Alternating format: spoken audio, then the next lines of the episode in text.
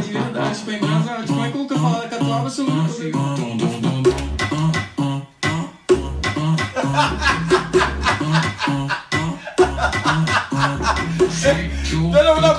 Grande. Toma isso! Toma eso. Toma isso. Toma isso! Depois de Scott, ela ficou animada. Scott, ela ficou I love this game. Ei, toma isso. Toma isso. Toma isso. Toma isso. Já pode ficar pelada, não, não Para. Somos obrigados de amar o meu Instagram. Segunda-feira, onde tiramos muita alegria. Amo todo você. Amo todo você. Isso aí é minha energia. Tira isso. Já. Ah, ah, ah, ah, ah. Ah.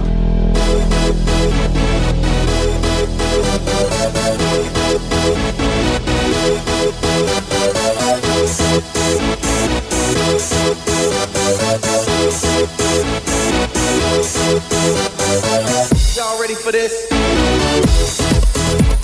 Då säger vi varmt välkomna till Toto Balutto. Ännu en eh, måndag, ny vecka, nya möjligheter. Landslagshelgen eh, är inte till ända ännu. Det är ju matcher både måndag och tisdag. Men det brukar ju alltid fyllas eh, en, en känsla i en som är att när Sverige är klara så kan man börja blicka framåt mot att klubblagsfotbollen och säsongen ska dra igång på allvar. För nu är det bara en vecka bort också till Champions League och några dagar senare också Europa League. Nu börjar vi på, på, på riktigt. Hur är läget med Tompa?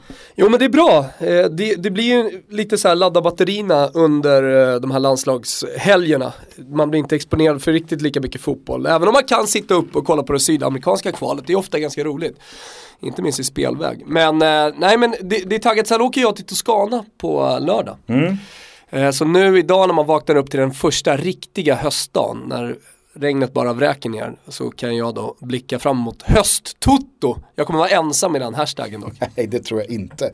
Det är många där ute som eh, lever minst lika glassiga liv som du och kan unna er en eh, tio dagars semester så här mitt i september. Det är skönt för dig. Du, eh, en person som eh, gjorde sig ett namn och eh, gjorde sig väldigt uppskattad i just Toscana, det är ju Fatih Terim. Fyller år idag.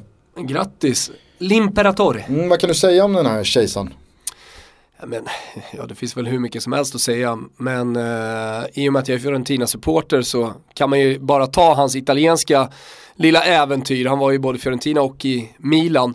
Eh, han lämnade med ett väldigt bra, eller omtyckt, alltså bra rykte kring sig men framförallt älskad av supporterna. Eh, och just det har ju att göra med hans sätt att vara. Eh, hans sätt att leda laget och hans sätt att eh, hålla presskonferenser. Och sen eh, lirade ju Fiorentina bra fotboll och man minns ju än idag en historisk seger mot ett Milan ska vi komma ihåg under, under eh, någon slags storhetsperiod ändå.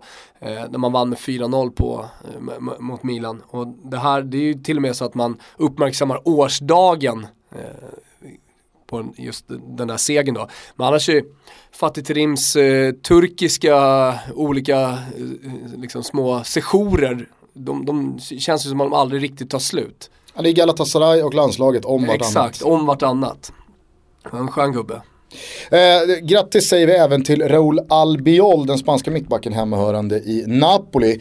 En gång i tiden listade jag honom som en, ett, ett, ett riktigt dåligt köp av Napoli. För att eh, han höll ju inte alls måttet i Real Madrid. Under första säsongen också i Napoli så höll han ju på att ja, men ställa till det både för sig själv och laget många gånger. Han vände ju långsammare än en eh, stor jävla lastfärja. Men som de har fått eh, valuta för de pengarna de plöjde ner i Albiol och eh, Cajon som kom samtidigt i en Framförallt så var det ju många som kritiserade Napoli eh, för att de hade spenderat alldeles för mycket pengar. De menar på att de inte var värdare, både Cajon och och Albiol. Men alltså med facit i hand, med tanke på vad, ja, dels sportsligt vad de har fått ut för dem. Men vad de skulle vara värda, ja okej nu kanske de inte så, Albi- Albiol värd jättemycket idag, men ändå. Det som har hänt med transfersummorna sedan de eh, lämnade Spanien för Italien. Så, sålde ju Cavani för 60, var det 60 eller 70 miljoner till PSG. Någonstans där i alla fall. Köpte in Iguain för eh, dryga 40. Det var ju ett skämt, sen sålde de för nästan en miljard ju. Så att där, där fick de ju ut både eh, på planen och eh, att, att man tjänade det dubbla när man väl sålde dem. Alltså, Cajon är väl den som har varit absolut bäst sett till vad han bara kostade. Jag kommer ihåg, jag hade en diskussion med Lorenzo Medici som jobbade på Fotbollskanalen förut, bloggade där bland annat eh, fullt fokus på italiensk fotboll. När vi båda jobbade på TV4. Eh, och han tyckte ju då att de här, vad var det, 7,5 eller 10 miljoner euro som man betalade för Cajon var helt uppåt väggarna. Det här ser jag inte för på något sätt eh, sänka eh, Medici, men, men eh, det var ändå lustigt att den diskussionen ändå har hållits. För, för Cajon är ju liksom, ja, otroligt bra ihop med Insigne. Mm. Vi säger grattis till L'Imperatore Fatih Terim och eh, till Raul Albiol och så sparkar vi igång det här avsnittet med ett svep. Vi är ju mitt i den näst sista VM-kvalrundan i Europa och jag misstänker att det är de matcherna som dominerar Thomas Wilbachers för säsongen första svep. Ja, okej, okay, häng med. Det har varit Europahelg med viss dramatik, inte minst då i Grupp A, den som huserar bland annat Sverige. Kritik efter Bulgarien byttes mot glädje i Borisov, där Totte Nyman såg allt mer ut som det kanske bästa alternativet bredvid Marcus Berg. Och där försvaret fick revansch och där Foppa visade varför han är så viktig. Eftersom Holland vann och Frankrike tog en stark pinne hemma mot Luxemburg är förutsättningarna glasklara. Vinst mot Luxemburg på Friends och det kan till och med räcka med knapp förlust i Amsterdam i oktober. Ni kan allt det här och vi kommer att få anledning att återkomma till kvaldramatiken vad det gäller Sveriges del. Annars kan man faktiskt tro att Steven Spielberg har varit inne och petat på det här VM-kvalet. För det är inte bara i Sveriges grupp man redan nu blickar mot den sista omgången. Känn bara på grupp B och kampen mellan Schweiz och Portugal. Ostarna leder gruppen med tre poäng, men har Portugal borta i sista matchen och Ronaldo har sett till så att hans landslag leder målskillnadskampen överlägset. Spielberg Spielberg-scenario Spielberg, Spiel, vad heter Spielberg? Spielberg-scenario även i grupp D mellan Wales och Irland. Två poängs skillnad och självklart möts länderna i den sista rundan på rugbyarenan i Cardiff. Desto klarare för till exempel Spanien som slaktade Italien och såg till att mer eller mindre direkt kvalificera sig till VM i Ryssland. Par korta saker, Åge Hareide kan mycket väl äntligen ha väckt den danska björnen. 4-0 mot Polen är det bästa danskjäveln presterat på många år. Och hörni, den här Andreas Cornelius som Atalanta köpte, håll koll på den gummen. 1,93 cm dansk dynamit. Isco stod för det bästa jag sett en mittfältare prestera i det här kvalet. Och framförallt gjorde han det när det gällde som mest. Dags att kröna honom till någon slags kung. Men Gusten, jag vill avsluta det här VM-kvalsvepet med ett par oerhört starka magkänslor inför avslutningen. Notera då. Frankrike kommer fullkomligt pulverisera Bulgarien i Sofia. Sverige kommer få Italien i playoff och det blir 1987 all over again. Och Turkiet kommer ta en sån jävla revansch på Island. De möts den 6 oktober någonstans i Turkiet. Ja, eh, ringrostigt så det förstår. Ja, ah, det var det. Små bokstäver. Men du, är du med på mina... Vad hette, vad hette filmregissören? Spielberg. Ja, Steven Spielberg. Steven Spielberg. Eh, kort fråga bara innan jag fyller på. Mm. Vad menar du med 1987? För eh, alla våra yngre lyssnare. Sverige mötte eh, Italien då i en eh, direkt avgörande match för att kvalificera sig till EM 88. Eh, det var ja, men, dåliga förutsättningar, det var kladdigt och gyttjigt och, och sådär. Och Sverige gjorde en bra match, Italien vann till slut. Och gick ju då till eh, mästerskapet som Holland sedermera vann. Och det blev ju ett, eh, alltså det, kanske det mästerskapet som har etsat sig fast mest efter VM 90, Ciao Ciao Italia och så vidare. Italia, det känns som att man är kvar i det bara för att den här låten heter det. Så man blir det. Italia! Eh, alltså, ja, men så, som, eh, så, som jag minns, ja men du vet det där, man minns fan varenda detalj av mästerskapet. Man har sett eh, alla sådana här eh, sammanfattnings eh, VHSer som, som, som har gjorts. Men, eh, men det, det, var en jävligt speciell match och jag kommer aldrig glömma. För jag satt upp och kollade på den här matchen mot Italien med pappa. Eh, och det blev dramatiskt, till slut så var det Italien då som gick till, till EM och jag kommer aldrig glömma det pappa säger efter den matchen. Han är så jävla besviken. Men, och han kan ju inte dölja det här såklart. Eh, men han är liksom sådär sur på Italien. Typ, nu har de filmat sur sådär som han håller på med. Eh, så han säger bara, det är väl en jävla tur att Italien gick vidare för annars hade det blivit landsorger i det där landet. Du vet, Ja, men det var någonting i det där. Jag hade förväntat mig något starkare där. Ja, fast, fast det är någonting i det där, i, i, i det där han säger liksom att eh, det, det, finns en sån jävla bitterhet i det. Att eh, han tyckte det var lika bra för annars hade Italien lika gärna kunnat haft landsorg. Eh, så, så den matchen kommer jag aldrig glömma. Men nu, nu får jag återigen, nu hade Gazettan en, en gammal nostalgiartikel om den matchen. Nu när det står klart att eh, Italien inte kommer vinna sin grupp utan att de kommer eh, bli tvåa. De kan ju inte tappa andra platsen. Matematiskt kan de göra det men de kommer inte göra det. Eh, och ja, men så minns man tillbaka till, till tidigare sådana här kvaldramatiker och, och framförallt den matchen så, så, så, mi- så mindes jag den stunden i alla fall. Mm. Annars var du inne på några individuella prestationer här som eh, vi har sett eh, de senaste dagarna. Isco då till exempel, jävla insats mot just Italien. Eh, det var ju helt sjukt faktiskt att se honom eh, skoja med Marco Verratti på sättet han gjorde. Eh, Marco Verratti kan inte ha sovit sen den matchen för alla er som inte såg och att jag nämner Isco RSV på det Gusten är inne på, alltså det var det var helt sanslöst, men han har ju varit så bra under en lång tid nu. Det var men- det jag menade, det är dags att kröna honom till någonting. Vad är han? Är han eh, i, i vår eh, eh, fråge, höll jag på att säga, faktaruta? Är han den bästa spelaren bakom Messi Ronaldo? Jag vet inte vad jag ska placera honom. jag tror väl känns- att eh, Frida Nordstrand faktiskt satt här och sa Ja, det vara Isco så. på den frågan. Nämndes jag. Eh, tyckte jag var fräscht av Men sen- sen Men det har ju jag- gått jävligt fort från att liksom så här, jag menar alla har ju hela tiden sett potentialen, det såg man ju redan i Malaga. Men det har ju inte funnits plats för honom i Real Madrid. Sen så vet jag att du och jag pratade om just Isco i, eh, tidigt i våras någon gång inför Champions League-våren. Att eh, Isco står nu för några prestationer som gör att man verkligen måste fråga sig, ska inte han ha en bofast roll i det här laget? Och då måste ju då rimligtvis någon av Gareth Bale eller Benzema eller ja, Ronaldo kommer ju aldrig flytta på sig men vi snackade om Ja, det redan då. säljs. Och sen dess har det ju bara fortsatt. Han är ju helt Jo, otroligt jo, exakt. Och extremt hög lägsta vo- nivå, det är, tycker jag, någonstans fundamentalt för att man ens ska nämnas i någon slags topp eh, 10 diskussion i världen.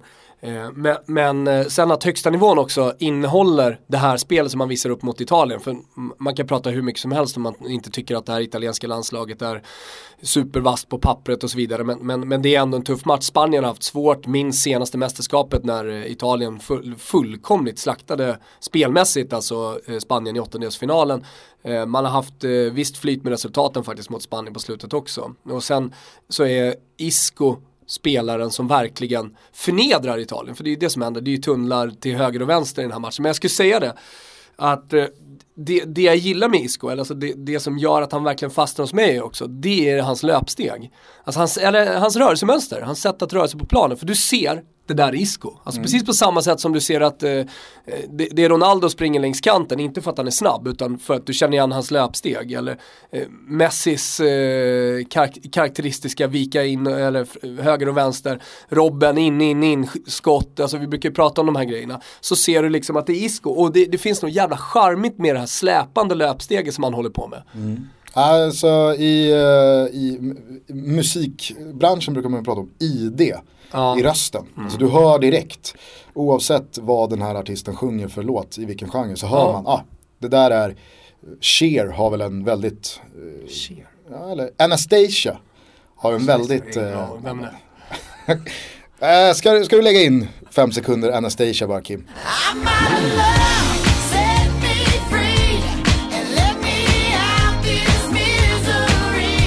så tror jag att folk förstår vad jag menar. Man hör direkt att det är Anastasia som sjunger.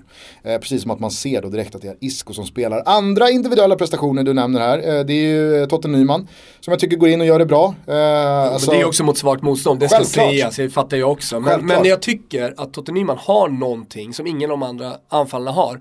Jag fattar att eh, Janne Andersson vill ha en viss spelartyp. Alltså det, det är ju det vi har pratat om vad det gäller anfallsuppsättningen. När man ser att Kiese Thelin kommer in, jo men då försvaras det med att han vill ha en targetspelare. Han vill ha den spelartypen och, och då ska du inte jämföra med alla andra anfallare som finns och önska in någon utan då ska man önska in en annan targetspelare. Och vad finns det då? Ja, men då finns det inte så mycket bakom Eh, bakom Isak Kiese och Ola Toivonen även om de alternativen inte är speciellt vassa. framförallt här nu med det Totte. Nyman har som jag gillar det är det här riviga. Det här totalt respektlösa. Det är som när han går in mot målvakten där. Han, han respektlösa, han också orädda. Eh, och det, det, det kan jag gilla och det behövdes verkligen mot, eh, mot Vitryssland tror jag också. Alltså någon som, som pressade lite galet ibland, lite för mycket. Nu gav just det resultat och, och ett mål. Men, men du, du är med på vad jag menar här. Verkligen, och Jan Andersson gjorde ju två förändringar till den här matchen från Bulgarien-matchen. In med Totte Nyman istället för Ola Toivonen och så spelade Sebastian Larsson från, eh, istället för Albin Ekdal. Och eh, jag tror att många med mig var lite halvskeptiska till att Sebastian Larsson spelade från start. Inte i form av att herregud nu kanske vi förlorar här mot Vitryssland eller tappar poäng. Utan snarare att det är höst 2017 och Sebastian Larsson är fortfarande en viktig del av det här landslaget. Har vi inte kommit längre? Hur står det egentligen till med påfyllnaden bakifrån? Jag tycker att eh, man efter en sån här match ändå ska kunna då backa från de känslorna och tankarna och säga att Sebastian Larsson gjorde en jävla superbra match och Jan Andersson hyllade honom rättmätigt efteråt.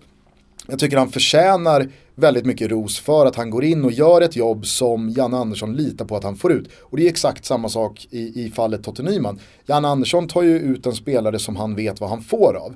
Och vi hade Axén här förra veckan, eller ja förra veckan, som satt och pratade om att nej, men jag, jag har liksom förstått på senare år att ett landslag är nödvändigtvis inte och ibland faktiskt ganska sällan de elva bästa fotbollsspelarna från ett och samma land utan det är elva fotbollsspelare som gör laget till så bra det kan vara. Jo, det Och finns ju tycker jag jättemånga är- exempel exakt, också. och jag tycker att det är ett jättebra exempel från den här matchen Jo. att Sebastian Larsson är nog inte en av Sveriges två bästa innermittfältare och Totte Nyman är inte en av Sveriges två bästa anfallare. Men till den här matchen, mot det här motståndet, så går de in och faktiskt gör laget bättre. Och liksom hatten av till dem och eh, Janne. Och till Sverige som, vi var inne på det efter Bulgarien-torsken också. Vad fan lugn. Alltså det, det är, man måste kunna förlora mot Bulgarien borta. Vi kan inte gräva ner oss för att vi inte vinner en VM-kvalgrupp innehållandes EM-finalisterna Frankrike. Nu har vi andra platsen i våra egna händer. Ja, vi gör- dessutom ser det ju bra ut. Vi kommer kunna, jag tror att vi kommer kunna torska mot Holland. Ja, ja, vi får väl se. Alltså Där det, måste jag säga. det är en match emellan, alltså för, de som, för de som inte har koll på förutsättningar kan vi lika gärna dra dem, för jag har fått ganska mycket frågor. Det är målskillnad som gäller, inte inbördesmöten som man är van med från Champions Leagues gruppspel till exempel, utan det är rakt av målskillnad. Där leder Sverige med hur många mål då? Eh, sex. Ja, exakt. Med, med en match kvar då vi har Luxemburg hemma och eh, eh, Holland har Vitryssland på bortaplan. Problemet är ju dock att man i eh, tabellen över tvåorna eh, Räkna bort resultaten mot gruppens sämsta lag. Och eh, mot eh, Vitryssland är ju då Sveriges målskillnad eh, Bättre två gånger än vad du 4-0. sa. Den är 8-0 vilket gör att vi blir av med åtta mål. Eh, skulle det nu bli så att eh, Luxemburg håller i för att nu slog de Vitryssland och de tog poäng mot Frankrike så tyder ju mycket på att Vitryssland kommer komma sist i gruppen och det är ett hårt slag för Sverige. Så att vi löper ju faktiskt en risk att bli sämsta tvåa och då alltså missa playoff trots att vi kommer tvåa i gruppen. Men kan man putsa på de här siffrorna hemma mot Luxemburg och sen Ja, kanske rent av klara men så- poäng det- borta mot Holland, ja då ska det lösa sig ändå. Men jag tycker faktiskt att Patrik Ekwall skrev någonting jävla befriande i morse tror jag att det var. Att så här, kan vi snälla bara skippa alla jävla teorier och möjliga scenarier till Hollandsmatchen innan vi vet hur det gick i näst sista omgången. För det är faktiskt helt, det är helt ointressant att prata om nu. Hur många mål man kan förlora mot, det vet vi ju inte. Vi måste ju avvakta och se hur det går för Bulgarien mot Frankrike, hur det går för Holland mot Vitryssland och hur det går för Sverige mot Luxemburg. Innan man vet alla fasta förutsättningar inför sista omgången. Så jag tyckte det var skönt när Ekwall bara, fan, kom, sitt ner i båten här nu, ta det lugnt. Vi, vi ska väl börja med att slå Luxemburg. Ja. Någonting Frankrike misslyckades med. Och det var faktiskt inte speciellt orättvist. Visst, kollar man på siffrorna med avslut och bollinnehav Ja, så är det ju otroligt att Luxemburg klarar 0-0. Men tittar man på de faktiska målchanserna så skapar Frankrike inte speciellt mycket hundraprocentiga lägen. Luxemburg slåss för sitt liv och de gör det jättebra. Och det var det jag skulle kröna de här eh, nedslagen i, in- i individuella prestationer så måste jag ju säga att Luxemburg verkligen kan vinna den här matchen efter att inhoppande Gerson Rodriguez Eh, har en i stolpen med fem minuter kvar. Och hade de gjort 1-0 där, ah, jag vet inte fan alltså, jag hade inte, jag hade inte tyckt att de hade behövt be om ursäkt om det. Roligt med Gerson Rodriguez, för att jag kollade upp den här spelaren, det är ju en sån här, han och hans agent, om man nu har någon agent, det är ju tveksamt. Det kan vara brorsan eller kusinen. Han vaknar nu eh, nog idag och känner att eh, fan det, det, det var nog en ganska bra insats jag stod för för min framtida karriär. Han är alltså bara 22 år den här eh, offensiva mittfältaren, anfallaren, ytten Gerson Rodriguez. Spelar i Telstar i holländska andra divisionen och dit gick han i somras för hur mycket då tror du? Alltså är det över under Bjärsmyr? Det är under. Det är under, ja. ja men då gick han för 10 lax. Ja, Han gick för 20 000 euro. Ja, okej. Alltså ah, två... det, är nästan, det är nästan som Bjärsmyr. Ja men Bjärs De- gick väl för 300 000. Ja, vad- Jaha okej. Mm. S- Svenska kronor. Svenska kronor. 300 000 ja, svenska men det är kronor. 100 000 emellan bara. Så man kan ju säga att de värderas ungefär lika. Ja eller så kan man säga att det var under Bjärsmyrs. Jo, jo men, ja, men det, är ändå, det är ändå samma summor vi snackar om. Ja, eh, eh, absolut. 20 000 euro pröjsade Telstar till CS Fola Esch för Gerson Rodriguez tjänster. Eh, han eh, spelar således alltså i holländska andra divisionen. Han har bara ett ettårskontrakt. Alltså den här gubben. Han, eh, Han, han värderas ju, sina aktier lite. ja, men han värderas ju idag till 125 000 euro. Eh, jag tror att imorgon när de här sajterna är uppdaterade, här går, kollar jag då via Transfermarkt. Eh, han eh, kan nog gå för en, ja men i alla fall 10 millar i januarifönstret. Eh, så bra var insatsen och det handlar ju så jävla mycket om. Det här är ju en detalj jag tror att många, många glömmer. Alltså för väldigt många spelare där ute så handlar det lika mycket om att göra rätt match vid rätt tillfälle mot rätt motstånd. Snarare än att prestera på en hög nivå i tre år. Vi, vi pratade om det nu när Sam gick eh, till Feyenoord. Att skillnaden på att gå till Feyenoord och att gå till Mets då som var ett av alternativen är ju att man har då Ja men du har två matcher på dig i princip och det är mot PSG för att göra ett avtryck, för att göra en skillnad. Feyenoord nu här ska istället ut i Champions League, han kommer kunna eh, ges chansen att då göra ett avtryck och få de större klubbarna som spelar i Champions League år ut och år in deras uppmärksamhet om man nu inte redan har skaffat dem. Men en riktigt bra match mot, sig, mot låt säga Napoli i eh, Champions League. Det är ju en sån här match, även om det bara handlar om 90 minuter, som kan ta en spelare från en nivå till nästa. Och det var ju det vi såg Gerson Rodriguez göra igår mot Frankrike. Han gör inga mål, absolut inte, men alla som kollar på den här matchen, vilket måste vara en ökning för Gerson Rodriguez mot vilka som vanligtvis kollar på hans insatser. Med vad då? 10 000 procent. Räcker ens det? Nej, såklart inte. En miljon procent i ökning. De såg ju den här 22-åriga spelaren sprinta ifrån Laurent Koscielny med boll. Eh, sysselsätta en fransk backlinje helt själv och hålla på och avgöra det här till lilleputtlandet Luxemburgs fördel.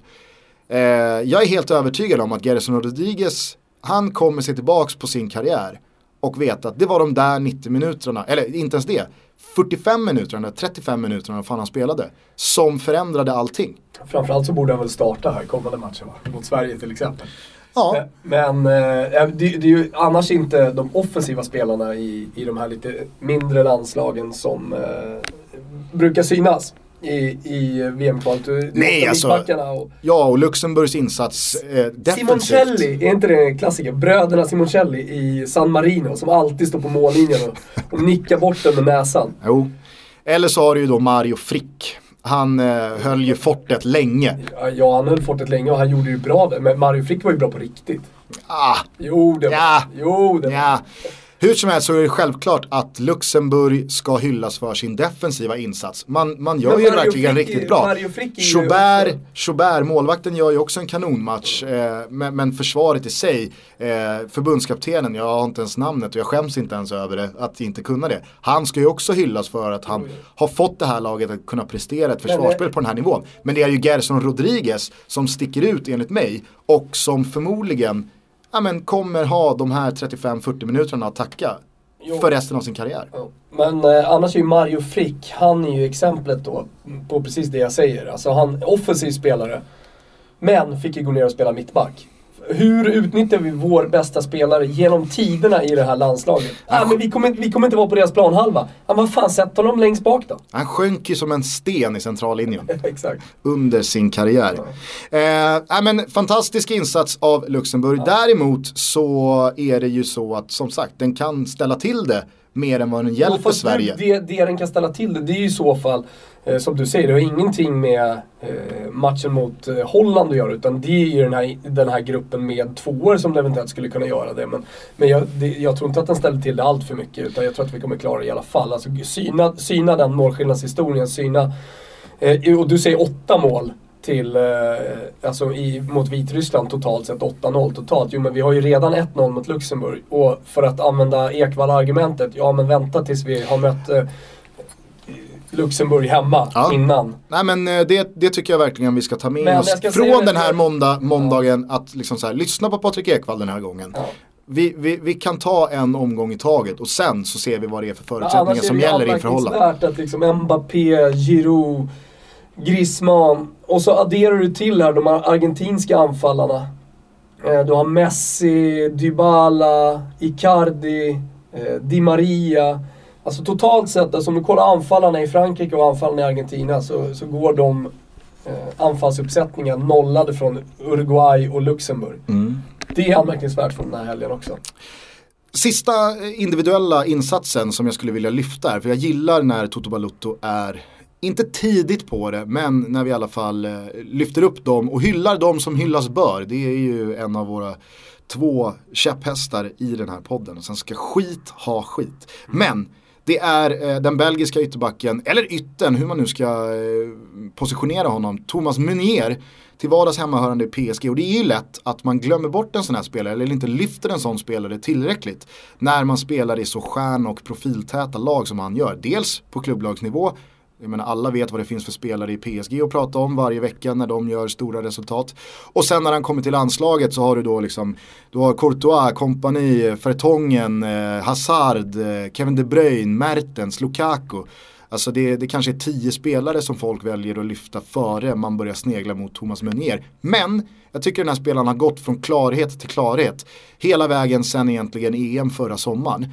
Idag är han en av båda de här lagens bästa spelare. Och den här samlingen gör han ju otroligt bra. Visst, det är Gibraltar eh, på andra sidan i, i torsdags men han gör alltså som ytter eller ytterback hattrick i både mål och assist. Och nu borta mot Grekland så eh, säkrar han eh, tillsammans med Lukaku då 2-1 målet som gör att Belgien är första lag att kvalificera sig rent eh, matematiskt eh, utöver då Ryssland som är hemma. Har Belgien äntligen liksom vuxit in i den här talangkostymen? Eh, Man har ju haft dem som en liten outsider i mästerskapen som har varit, sen har de inte riktigt, eh, ja, dels har de ju inte spelat så bra som eh, spelarmaterialet ändå skvallrar om att de kan göra.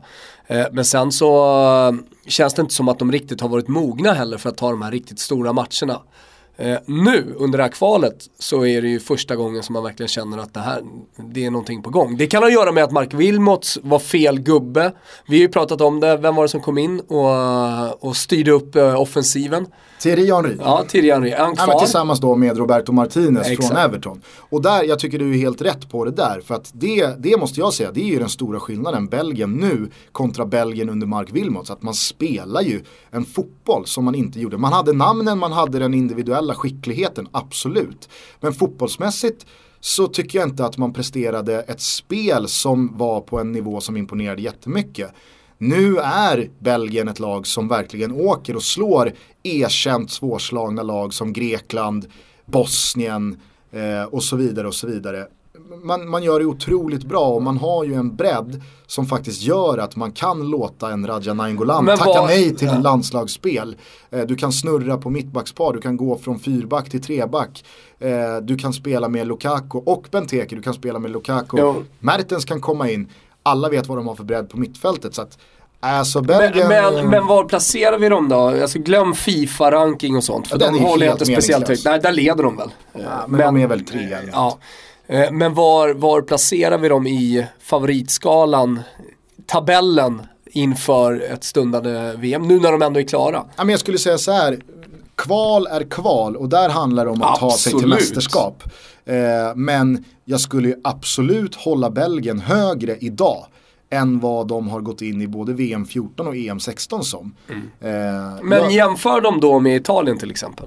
ja, jag skulle ju absolut säga att eh, Belgien är, jag har hellre Italien eh, i en grupp än Belgien idag. Får jag säga bara ett Men, par... men det är väl ingen som föredrar Italien liksom. Så, så mycket kan man ju säga. Men, men eh, bara för att säga ett par ord om Italiens eh, ah, usla insats, fram, men det var ju en fantastisk prestation också av, eh, av Spanien så man ska inte liksom, ta bort för mycket från, från den egentligen med att såga Italien men, men det som händer efter, eller framförallt det som Gazzetta dello Sport gör efter, det är ju bland det sjukaste jag varit med om. Alltså, för det första så myggar, ju av, eh, myggar de ju av Buffon med en helsida. Man menar på att Buffon är slut. Och de skriver det. Buffon är slut och det är alltså målvakten som blev vald till Champions Leagues bästa målvakt för några månader sedan. Honom, honom tar de bort bara helt, skriver i, i, eh, i betygssammanfattningen att här fick vi se början på slutet för eh, Buffon. Det är kanske lika bra att ta in Donnarumma direkt inför de två återstående matcherna som vi spelar in honom. Eh, sen slaktar de Bonucci totalt också. Jaha, har Milan verkligen gjort, jag ifrågasätter affären som Milan har gjort. Det kanske till och med var, var högt, eh, den här övergångssumman. Och Verratti. Vi, vi måste hitta en ny, eh, en ny mittfältare för Verratti håller inte. Alltså, jag har aldrig varit med om en sån slakt av ändå nyckelspelare, det som har varit Italiens ryggrad. Och som dessutom har lett dem fram till den tabellpositionen de hade inför matchen mot Spanien. Det vill säga direkt, en direkt avgörande match om gruppsegern. Alltså alla länder och, och spelare kan väl göra en platt insats utan att man behöver eh, alltså, hugga huvudet av dem. För det var en, det var en, en ren och skär halshuggning. Nej men och, och det var det ju också från Spaniens sida så att det var ju inget snack om resultatet. Men jag menar Italien hade oflyt att hamna i en grupp där man fick Spanien då från första potten. Ja, de Men- fick ju Europas bästa Ja, lag. Men oavsett vad, om det nu inte skulle vara så att Portugal blir tvåa så skulle jag ju säga att Italien går in i playoffet Oavsett vilka de får på lotten så är de favoriter till att gå vidare över ett Ja, dubbelmöte. det. Och i slutet av dagen så handlar det för de här länderna om att ta sig till VM. Det är ju det enda intressanta. Ja. Så att, eh, nej, eh, är det en liten gulasch då till Gazzetta dello Sport? ja, det får det väl vara. En gulasch till dem och en fet schnitzel till vår nya gubbe då, Monier. Ja, så jag vet inte. Fan, det finns ju någonting som skaver i att det ska bli vår nya gubbe så här Ja, sent. Okej, det behöver inte Men, vara eh, det, men han är löser- det i, i det här avsnittet. Vi löser biljett till uh, Munierbåten. Så mycket kan vi väl säga att vi gör. Eh, vill du säga någonting mer om eh, VM-kvalet? Nej, jag tycker att vi stänger där. Det är ju fortfarande en omgång kvar idag. Som jag sa, vissa grupper är det ju upplagt för stor dramatik. Alltså jag nämnde, eh, nämnde jag Wales, Irland? Ja det gjorde jag. Alltså, de- möts i sista omgången. Nu ska de spela ikväll så vi får se exakt hur förutsättningarna är. Men, eh, men det kan ju bli en ruggig match. Wales-Irland i Cardiff liksom. Ja, nej, och sen så eh, det här eh, alltså, 4-0 mötet du drog upp från parken här när Danmark körde över Polen. Nej, jag har ju också öppnat upp den gruppen. Där finns ju Montenegro med och Polen eh, leder alltså, på, på, till synes då på ett ganska bekvämt sätt. Men de har sämst målskillnad av lagen i toppen. Så att, ska de hamna på samma poäng så är risken att de kommer tvåa på grund av Ja, det, är målskillnad. kul att det, det är kul att det lever, eh, men jag vill återigen då bara liksom eh, lyssna på Patrik Ekwall den här gången. Eh, nu, nu, nu tar vi omgång 9 före vi tar omgång 10 och sen så eh, stänger vi eh, VM-kvalet för det här Toto Balotto avsnittet. Vi är såklart sponsrade av våra polare på Betsson. Det var ju stolpe ut återigen för min Toto-trippel senaste helgen. Du gick ju på... eh, Mbappé. Ja, du gick ju på en riktig kryss-trippel. Jag gick på kryssjakt. Eh, och det var ju odds därefter, men... Ja, men Inte någon en- gång, inte en enda klyka. Jag sa det till dig också. Alltså, om man ska göra en sån där, då ska du ha stark magkänsla. Eh, och kanske lite vind i seglen, lite självförtroende. Men framförallt får det kanske hända någon gång per år. Det är inte så att nästa vecka så landar jag, eller lägger ut en 40-oddsare igen. Nej. Nu fick jag en jävligt stark känsla, men eh, det, det höll inte. det var ju närmare för mig, jag var ett mål ifrån i mötet mellan Syrianska och Trelleborg. Brage gjorde ju sitt och eh, Sverige ännu mer. Men det är någonting med dig och mig och röda kort. Det, det är faktiskt helt otroligt. Jag tror De vi senaste räknar två ut- åren har varit... Ja. Jag tror vi räknar ut att vi har de senaste två åren har haft eh, över 120 röda kort emot oss. Det ska inte gå. Borde göras någon slags studie kring, kring det här. Jag tror du skulle säga, det borde göras någon slags dokumentärfilm. Nej men eh, så, jag, jag tror att våran otur med röda kort kommer någon gång i framtiden att eh, ja, men vetenskapligt bevisa att det finns jinx och inte jinx och vidskeplighet och, och så vidare. Ja. Ja, det kommer göras en dokumentärserie där du då sitter ner som ett talking head och pratar om eh, Alla en, röda kort. Ja, din, din, din empiri vad gäller röda kort när du har spelat. Eh, skitsamma, vi fortsätter att eh, boosta odds eh, på Betsson.com. Det är ju dags för Champions League nästa vecka. Och du och jag har tillsammans med oddschef Polsäter eh, dunkat upp oddsen på några eh, långtidsspel för hösten. Exakt. Eh, bland annat då att Sam ska göra mål under gruppspelet. Eh, men också att eh, det ska bli eh, ett, eh, alltså vi har ett, vi har ett roligt överspel för totalt antal mål i gruppen som innehåller eh, Real Madrid, Tottenham och Borussia Dortmund. Det ska ju sägas att vi har ju varit bra nu, nu är det här stora lag och alla känner till att de kan spela offensivt och göra mycket mål, det finns många offensiva spelare. Men vi har ju varit bra på att identifiera just de här målgrupperna tidigare. Det är en klassiker i grupp L i Europa League för ett par år sedan när vi jobbade på Discovery. Eh, där, där fick vi ganska rätt. Nej men så att eh, fortsätt eh, hålla ögon och öron öppna både vad gäller podden och våra sociala medier. Där skickar vi ut lite boostade odds inför Champions League nästa vecka. Dessutom fortsätter Toto-tripplarna och vi sätter igenom dem folk på de svenska allsvenska läktarna. Det känns jävligt roligt. Tack till Betsson. Tack Betsson. Om jag säger episka ras, vad, vad börjar du tänka på då? Episka ras. Eh, Jag tänker på eh, Lag som- Tyskland Ja. mot Brasilien semifinalen. 7-1 eh, Brasilien, det är väl ett sånt episkt ras, ingen såg det komma. Du, jag, Olenklint satt i Expressens studio och fattade precis ingenting. Nej. Men rent eh, tabellmässigt då, alltså ett lag som har eh, haft en ligatitel eh, i sin hand till exempel. Ursäkta att jag bara går till mig själv, men det är ju det är de känslorna man har närmast. Men när Fiorentina blir vintermästare och går mot eh, scudetton.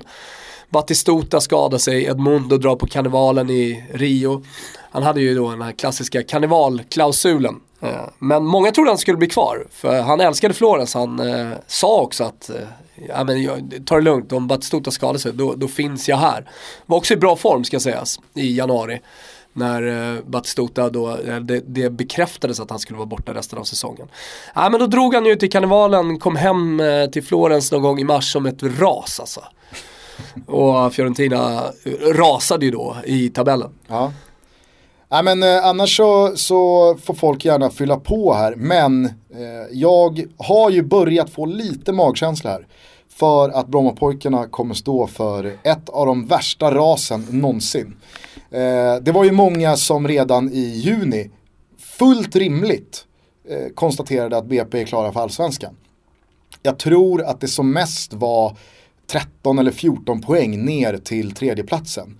Och då ska man komma ihåg att eh, i superettan så spelar det ingen roll om du kommer ett eller tvåa, du går upp till allsvenskan ändå. BP är där som nykomlingar, ni kan också att det är Olof Mellberg som står på tränarbänken. Han gjorde sin första säsong som tränare för det här laget i fjol. Eh, alltså, de, de har ju kört över lag på ett sånt jävla imponerande sätt BP. Så att eh, det har inte funnits någonting som har pekat på att det här ska sluta med någonting annat än en överlägsen serieseger. Men man har nu alltså eh, tappat några av sina främsta spelare, inte direkt fysiskt men de är klara för andra klubbar. Eh, och då tänker jag framförallt då på Viktor Gyökeres som ska gå till Brighton.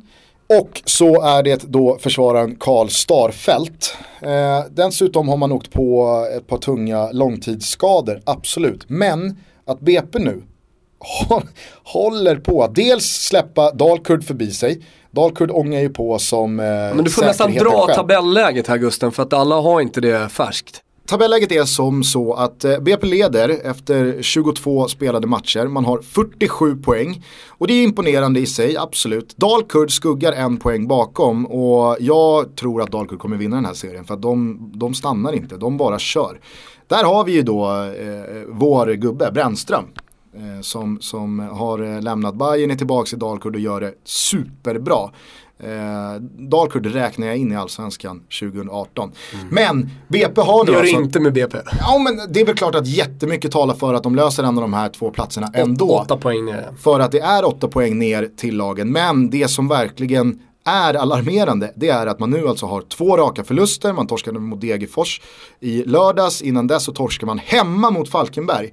Och inte med 1-0 eller 2-1 utan du torskar alltså hemma mot Falken med 5-1.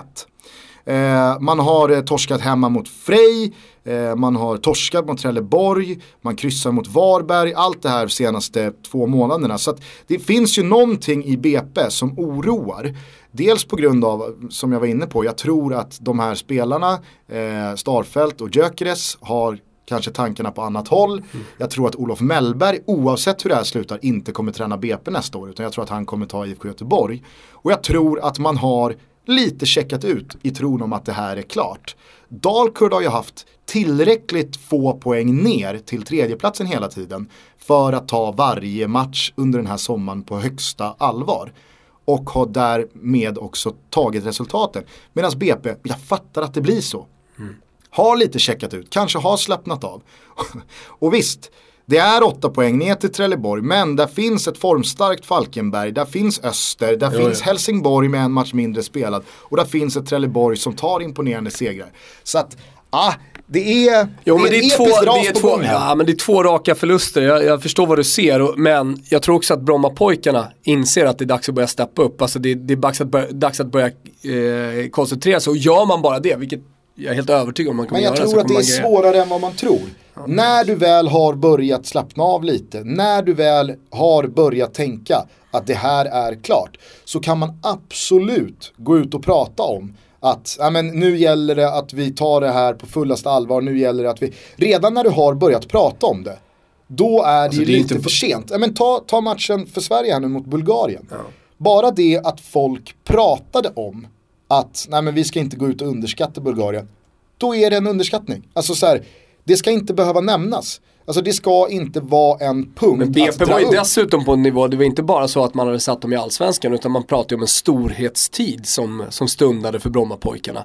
Eh, jag kommer inte exakt ihåg eh, alla artiklar, alltså vem som skrev vad, men jag för mig att eh, Noah Bachner skrev någonting, alltså så länge man får behålla tränarduon, vad han heter, den andra gubben som alltid nämns. Valentic. Valentic. Valle. När man säger, ja Valle, när man säger att ja, Olof Mellberg har gjort det jättebra. Eh, eller ja men titta vad Olof Mellberg håller på med, har vi en ny storcoach. Då, då är alla som har lite koll, de nämner ju då Valle.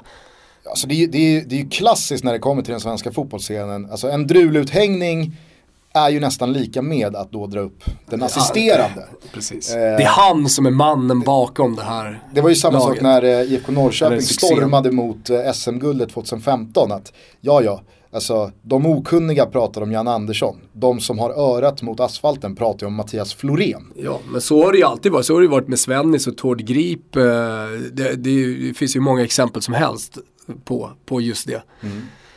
Det, det är väl snarare då ett samarbete som funkar. Alltså, det, ingen ska väl hyllas, eller man ska hyllas för det, det man har gjort. Men eh, det är klart att Olof Mellberg har minst lika mycket som eh, Valle i Men håll Brommapojkarnas med succé mig om att det du sitter och säger nu, det folk sa innan Bulgarien-matchen, det är ju, liksom, då är det lite för sent. Alltså då finns det ju redan en underskattning där.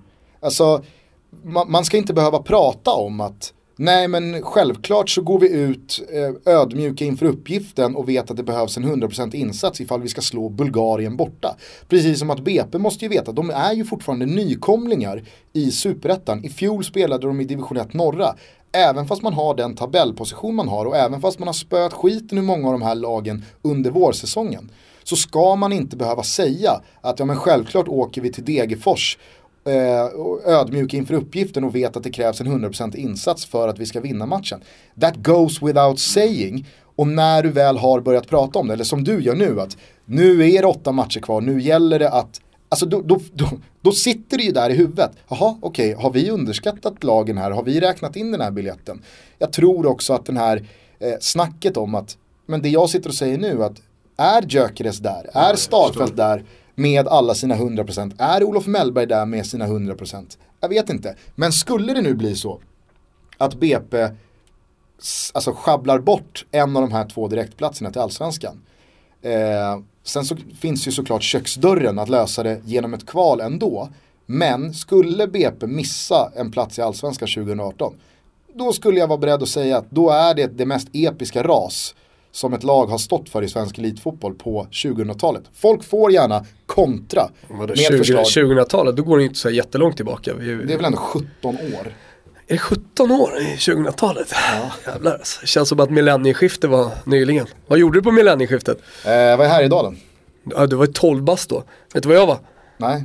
Jag var i Perth. i Perth och firade i västra Australien. Du är väl en av få som har säsongat som manlig gigolo? Ja, jag, jag känner inte speciellt många som har gjort det. Eh, även om jag, jag var ju mer pimp åt mina två kompisar. Det var inte så att jag, jag eh, eh, alltså gjorde fotjobbet så att säga. Utan eh, jag var med och styrde upp det hela. Men eh, Perth eh, 2000, vet du vad som slår mig nu också Gustav när jag kollar på det? Nej. Det är att du är sjukt lik, alltså jag tänker om, med lite grått hår om tio år, exakt så som du sitter nu med den här skäggväxten, så är du sjukt likt Chepe i Narcos 3. Nu är det ju smala referenser här. Det är bara, inte det, alla som- slog, men det slog mig så jävla hårt nu att du är jävligt lik honom. Okej, ja. eh, jag, jag, är inte övertygad om att Det har allt för ingenting många... med någonting att göra, men det, det bara kom över mig. Alltså nu när det är en ny säsong av Narcos-tider så kommer jag ju på mig själv, återigen då, ganska ofta varje dag stå och prata för mig själv på så spanska. Säga för mig själv bara, este muerte presidente Gaviria. Jag har ju börjat hälsa på Svanen när vi ses på kontoret. Buenos dias eh, padron. Buenos dias padron. Ja, det finns Men just det där, esta muerte presidente Gaviria. det är kul. Eh, nej men eh, som sagt, fyll gärna på då med motbud på episka ras eh, i hashtaggen Totobalotto. Funkar ju både i Sverige och internationellt. Jag flaggar i alla fall för att jag tror att det börjar brinna Nej, lite i BP-knutarna. Ja, nej, inget nytt spel, men det eh, kommer inte hända. Förstå också, eh, eh, under, så jag vet inte vad du säger, tror du att det är i ett sånt här läge tacksamt eller otacksamt att inte ha eh, pressen på sig från vare sig media eller supportrar, som BP inte har? Nej, det, jag, jag tror att det, i det här läget nu så är det nog positivt bara. Alltså att man kan gå till sig själv. Eh, att det är Olof Mellberg och då kanske Valles röster som dånar i omklädningsrum och det är det som får igång dem. Inte tidningsartiklar. Nej men låt säga... Jag, jag ju- förstår vad du menar. Ja, men kan ju backa bandet Jo men du 12 snackar år. om media som någon slags alarmklocka här, alltså, så får de att vakna. Jag tror det, det behövs inte. Nej, Nej men jag menar bara, så, så här, skulle man två backa, raka torskar, då räcker det med, med tränarröster. Ja, men skulle man backa bandet, eh, låt säga då, då 12 år och ifall AIK hade varit i ett liknande läge när de då studsade ett år i superettan. Att i, i juni, juli så var allting redan klappat och klart för en allsvensk comeback. Men i slutet på augusti, början på september, låt säga att det skulle bli tre raka, tre raka förluster här nu då. Eh, och avståndet krymper till fem poäng ner till tredjeplatsen. Då hade det ju eh, kommit liksom ganska mycket folk till Karlberg för att visa liksom, eh, att nu- nu jävlar är det allvar, nu kan vi inte slappna av. Media hade ju gått på och jag vet inte om alla spelare lyfts av det, utan det kanske är bara tacksamt för BP i det här läget att slippa en Ja, medial kanske. eller supportermässig press. Kanske. Men jag, jag minns också, på tal om episka ras, innan eh, 99 blev 2000, just eh, 99 säsongen, när eh, Aftonbladet hade AIK guldrubriker med, vad var det, 6-7 omgångar kvar och sen så gick man in i Champions League-spelet så tappade man det och sen så gjorde Stavrum offside-målet i sista omgången som tog dem. Ja, de tog ju Helsingborg, det målet tog ju Helsingborg till eh, SM-titeln men det tog ju också mig till eh, cellen. Det var ju den kvällen när jag satt tid åt min polare. Han kutar iväg och kastar, kastar sig in i en buske och jag blir tagen istället fast jag inte hade gjort någonting. Fy fan. Ja, det blir spännande att följa BP's eh, höst här nu. då, hade Cheppe jag- gjort i det läget? Jag vet inte. Jag vet inte. Det är bara en fiktiv karaktär i, eh, i en serie. Som vi i och för sig kan rekommendera. Det är jävligt Någon hade ju dött. Nu eh, är det ju eh, färdigt för Holland och Sverige den här gången. återstår bara en samling. Holland eh, eh, ligger eh, bakom oss men har fortfarande chansen. Således kommer allt avgöras på Amsterdam Arena den 10 oktober när vi kör våran jungfrufärd med eh, nätverket i nätverket som vi har valt att kalla Toto Ben. Jajamensan, businesseventnetwork.se slash totobalotto. Det är många företag som har signat upp, framförallt så är det intressanta företag. Det kommer göras affärer mellan er som, som redan har hittat dit och för er då som sitter och funderar lite och lämnat intresse, ännu inte lämnat intresse, gör det nu, för det brinner i knutarna. Mm. Vi har ju eh, tillsammans då med förutsättningarna i VM-kvalets grupp A dukat upp för en jävla pangkväll på sjö och land i Stockholm. Eh, Erik Johansson kommer vara där. Det är, Är det vår främsta USP just nu? men alltså, jag tror att det är många där ute, precis som jag, som drömmer om en hel kväll vi med samma med oss Erik. Axén? Vi kommer i alla fall ställa frågan till honom. Eh, för att jag misstänker att det i dagarna sjösätts något slags eh, AB eller enskild firma med Axén bakom ratten när han ska in i tv-svängen här nu. Visst. Vem är annars vår mest eh, festkompatibla gubbe där ute? Du är väl generalen där? Jo, det kanske är. Giljo Media. men jag är ju redan där, Gusten. Men eh, annars då? Nej men eh, jag, jag tror att eh, vi, vi snarare ska låta folk se med egna ögon hur jäkla bra det här är. Ja, och det kommer bli jättebra. Så gör nu så, gå in på businesseventnetwork.se slash totobalotto. Anmäl ert intresse så kanske det är jag som ringer upp. Det har ju blivit så på slutet, Gusten. Ja, puss till Ben. Det börjar bli dags att eh, släcka ner butiken för den här regniga måndagen. Vi hörs lite senare i veckan. Känns skönt som sagt, eh, som vi sa i inledningen av avsnittet, att det återigen här nu då är ligafotboll på menyn. Champions League stundar.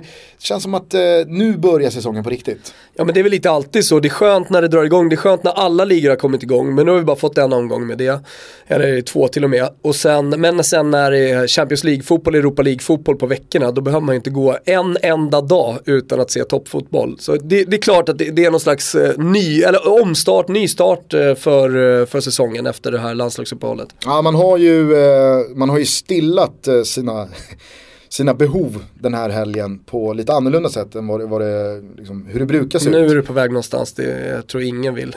Ja, men jag menar rent fotbollsmässigt. Till exempel då så satt jag och kollade, jag satt och kollade Kina, Uzbekistan. Ja. Eh, mitt på dagen här Vad, för några dagar sedan. vad tar du med för den här matchen? Ah, ja, det, jag tar, det jag tar med, jag skrev faktiskt på Twitter eh, i helgen här att eh, jag började tänka utifrån då fotbolls eh, och kvalspel landslagsmässigt.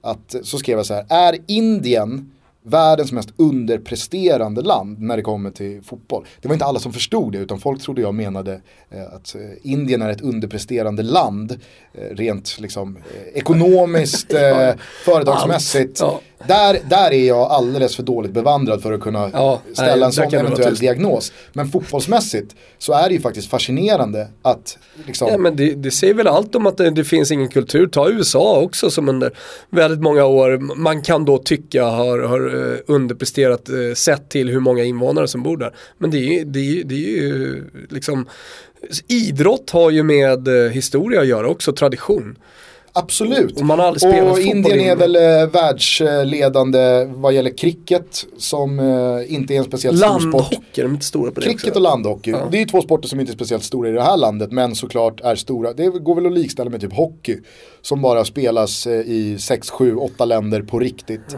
Eh, där vi tror att, alltså så här, i, i det här landet så tror man att ishockey Jag tror inte att vi tror det, men vi älskar sporten precis som man älskar cricket. Jo, jo, men jag tror att i, alltså så här, i. Sverige så tror jag att man ser på ishockey som en global angelägenhet. Precis som att man i Indien eh, tror att cricket är en global angelägenhet. Fotboll är ju en av få sporter som är en global angelägenhet och där är ju Indien helt under isen. Både vad gäller klubblag men också landslag.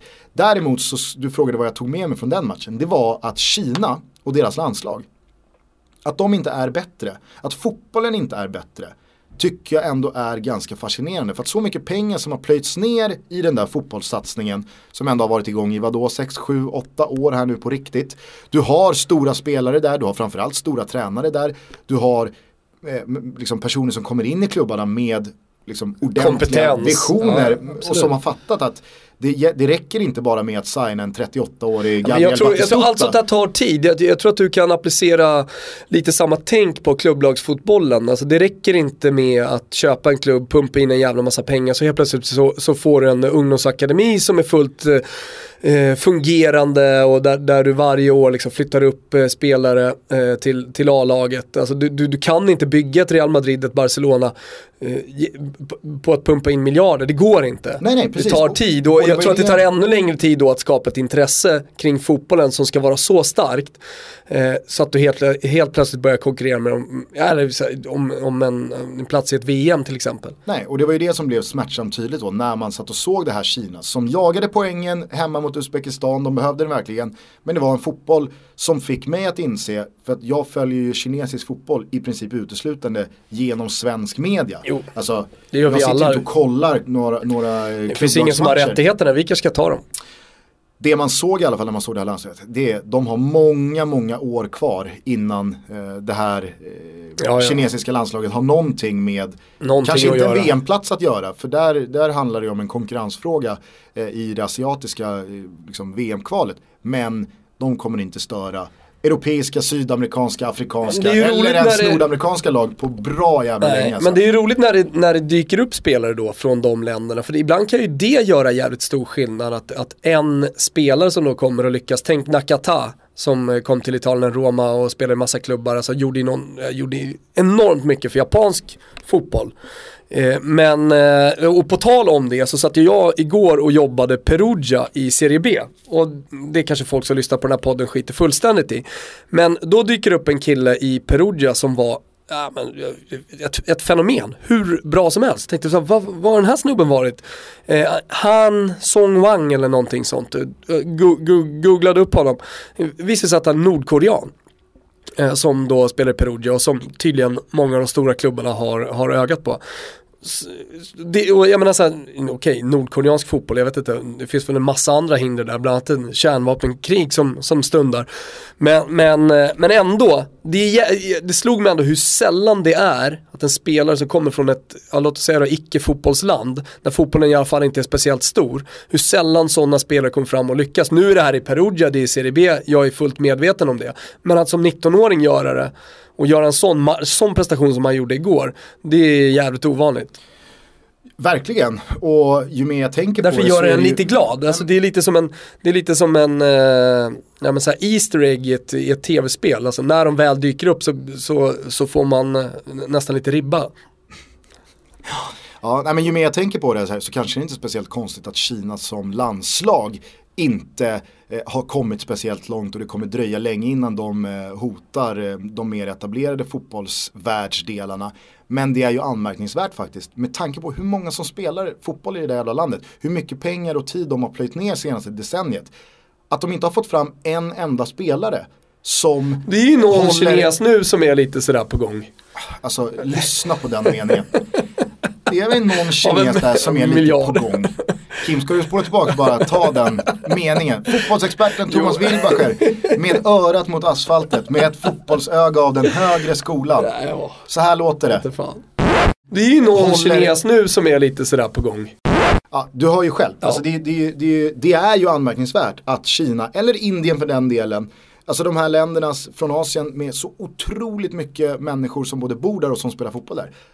Att man inte har fått fram en enda spelare Ja, jag som är inte. på, eh, ja, men du, du nämner Japan här, Nakata eller Kagawa. Eh, Jo men sen har det kommit spelare, men jag tänker på att Nakata på något sätt var Ja, en ja, förgrundsfigur. Exakt, och jag tror att man behöver så. en spelare för att pave the way. För Ja. att visa att det här landet kan också producera Mm. eh, spelare som håller hög europeisk eh, nivå i sig fotbollsspelande. Från den här matchen då så var jag dessutom på Spånga IP i lördags. Eh, tog man eh, tunnelbana och eh, buss 118 från Rissne. Och besökte sin gamla hemmaarena och kollade Spånga IS mot Bele Barkarby. i, Varför är det intressant här? Nej, jag, jag pratar ju om att man, alltså så här, att man stillar sina fotbollsbehov en sån här helg Ja. på lite annorlunda sätt. Än, Men håll med om att det är när, uppfriskande. nu, när det nu är dags för, alltså alla ligor är igång, det stundar Champions Ja, League. men då har du inte riktigt tid att åka Nej, till Spånga IP. det finns ju fotboll, relevant fotboll att titta på varje Ja, men- kväll och varje dag på helgerna. Men en sån här dag, ja men då är det liksom så här Okej, det är nu det faktiskt finns tid att kolla på Kina och Uzbekistan. Eller det är nu det faktiskt finns tid att åka ut och ställa sig på Spånga IP och kolla Spånga mot Bele Barkarby. Jävla underhållande match. Eh, där det var, alltså, det var sådana jävla incidenter mellan lagen hur då domaren ska, alltså jag det är ju lätt att tänka ibland att man, alltså så här, man lider med domare eller man respekterar domare som orkar med det här när domare på den yttersta nivån hamnar i prekära situationer och fan vad jobbigt det måste vara. Men alltså domarna som har orken Mm. att ge sig in i heta division 4-drabbningar med så många dåliga fotbollsspelare och så låg nivå på själva spelet. Och så ska man stå där och försöka vara rättsskipande och rättvis och göra korrekta bedömningar. Och det enda du hör är liksom vilken idiot du är, vilka, alltså man får bara skit. Det är så otacksam arbetsmiljö och så otacksamma arbetsuppgifter. Jag stod ju led med domaren många gånger när jag, när jag var på läktaren här och kollade den här matchen. Alltså. Ja, jag stillar, jag stillar bara med ungdomsfotboll. Jag tycker det är så otroligt roligt. Alltså, jag har ju fått blodad tand i och med att jag tränar, jag tränar tjejlaget själv då. Men, men eh, det blir ju, blir ju gärna att efter ens egen match så står man ju kvar nere på Berga IP och, och följer allting, allting som händer. Och det är härligt. Nu ska vi ut och planera det hundrade avsnittet. Vi är tillbaka torsdag, fredag, någonstans där. Vi får se. Håll utkik. Ni som inte prenumererar på Toto Balotto, ni gör det. Använd eh, olika appar. Jag har hört att vi har haft lite problem med vissa appar att komma upp med RSS-flöden och grejer. Men, men eh, våra, våra lyssnare har ju varit schyssta och liksom bollat upp olika podcastappar som man kan lyssna oss på, på oss på. Precis, och vad gäller Acast så vet vi att det är jättemånga som lyssnar på oss genom dem. Vi styr tyvärr inte över eh, vår publicering där, utan saknar ni nya avsnitt eh, på. Acast, hör av er till dem eh, och, och skynda på den processen. Ja, Följ oss också på Instagram och på Facebook och på Twitter. Eh, där eh, sker det härliga saker mest hela tiden, tycker jag. Ja, ja, så gör det. Eller mejla oss på totobalota.gmail.com. Nu tar vi tag i den här regniga måndagen Gustav och gör någonting vettigt av den. Ut och planera avsnitt 100. Det gör vi, ciao tutti! Ciao tutti! Jag har hört på radion idag vi har solsken över hela vår stad. Det låter väldigt underligt för jag har bara regn hos mig. Jag har talat i telefon med din syster Hon bor en bit härifrån Hon sa hon låg och solade men jag har bara regn hos mig. Och jag måste ha ringt åt gudarna. Måste gjort något fel. För ända sedan den dag du for Så har jag bara regn hos mig. Kom tillbaks, jag är fort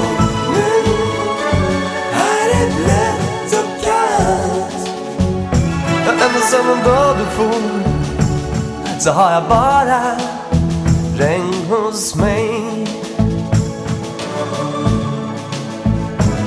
Och jag minns när du var här och solen lyste som sig bör. I trädgården vi solade som andra människor gör. Men nu är jag lika genomblöt som gräset utanför. Och jag blir inte torrare mina blommor har nästan gått bort. Denna sommar här var verkligen kort Det låter väldigt underligt men jag har bara regn hos mig. Och jag måste ha ritat gudarna Måste gjort något fel. För ända sedan den dag du for. Så har jag bara regn hos mig Det låter väldigt underligt Men jag har bara regn hos mig mm, Det låter väldigt underligt Men jag har bara regn hos mig och mer det bli. Vilket lågtryck man har hamnat i. För ända sen dag du for Så har jag bara regn hos mig.